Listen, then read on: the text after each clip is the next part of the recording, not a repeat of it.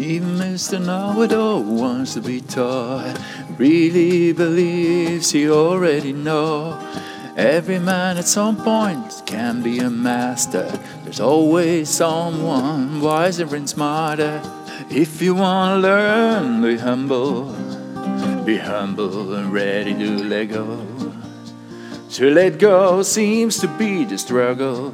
The struggle of what we think we know.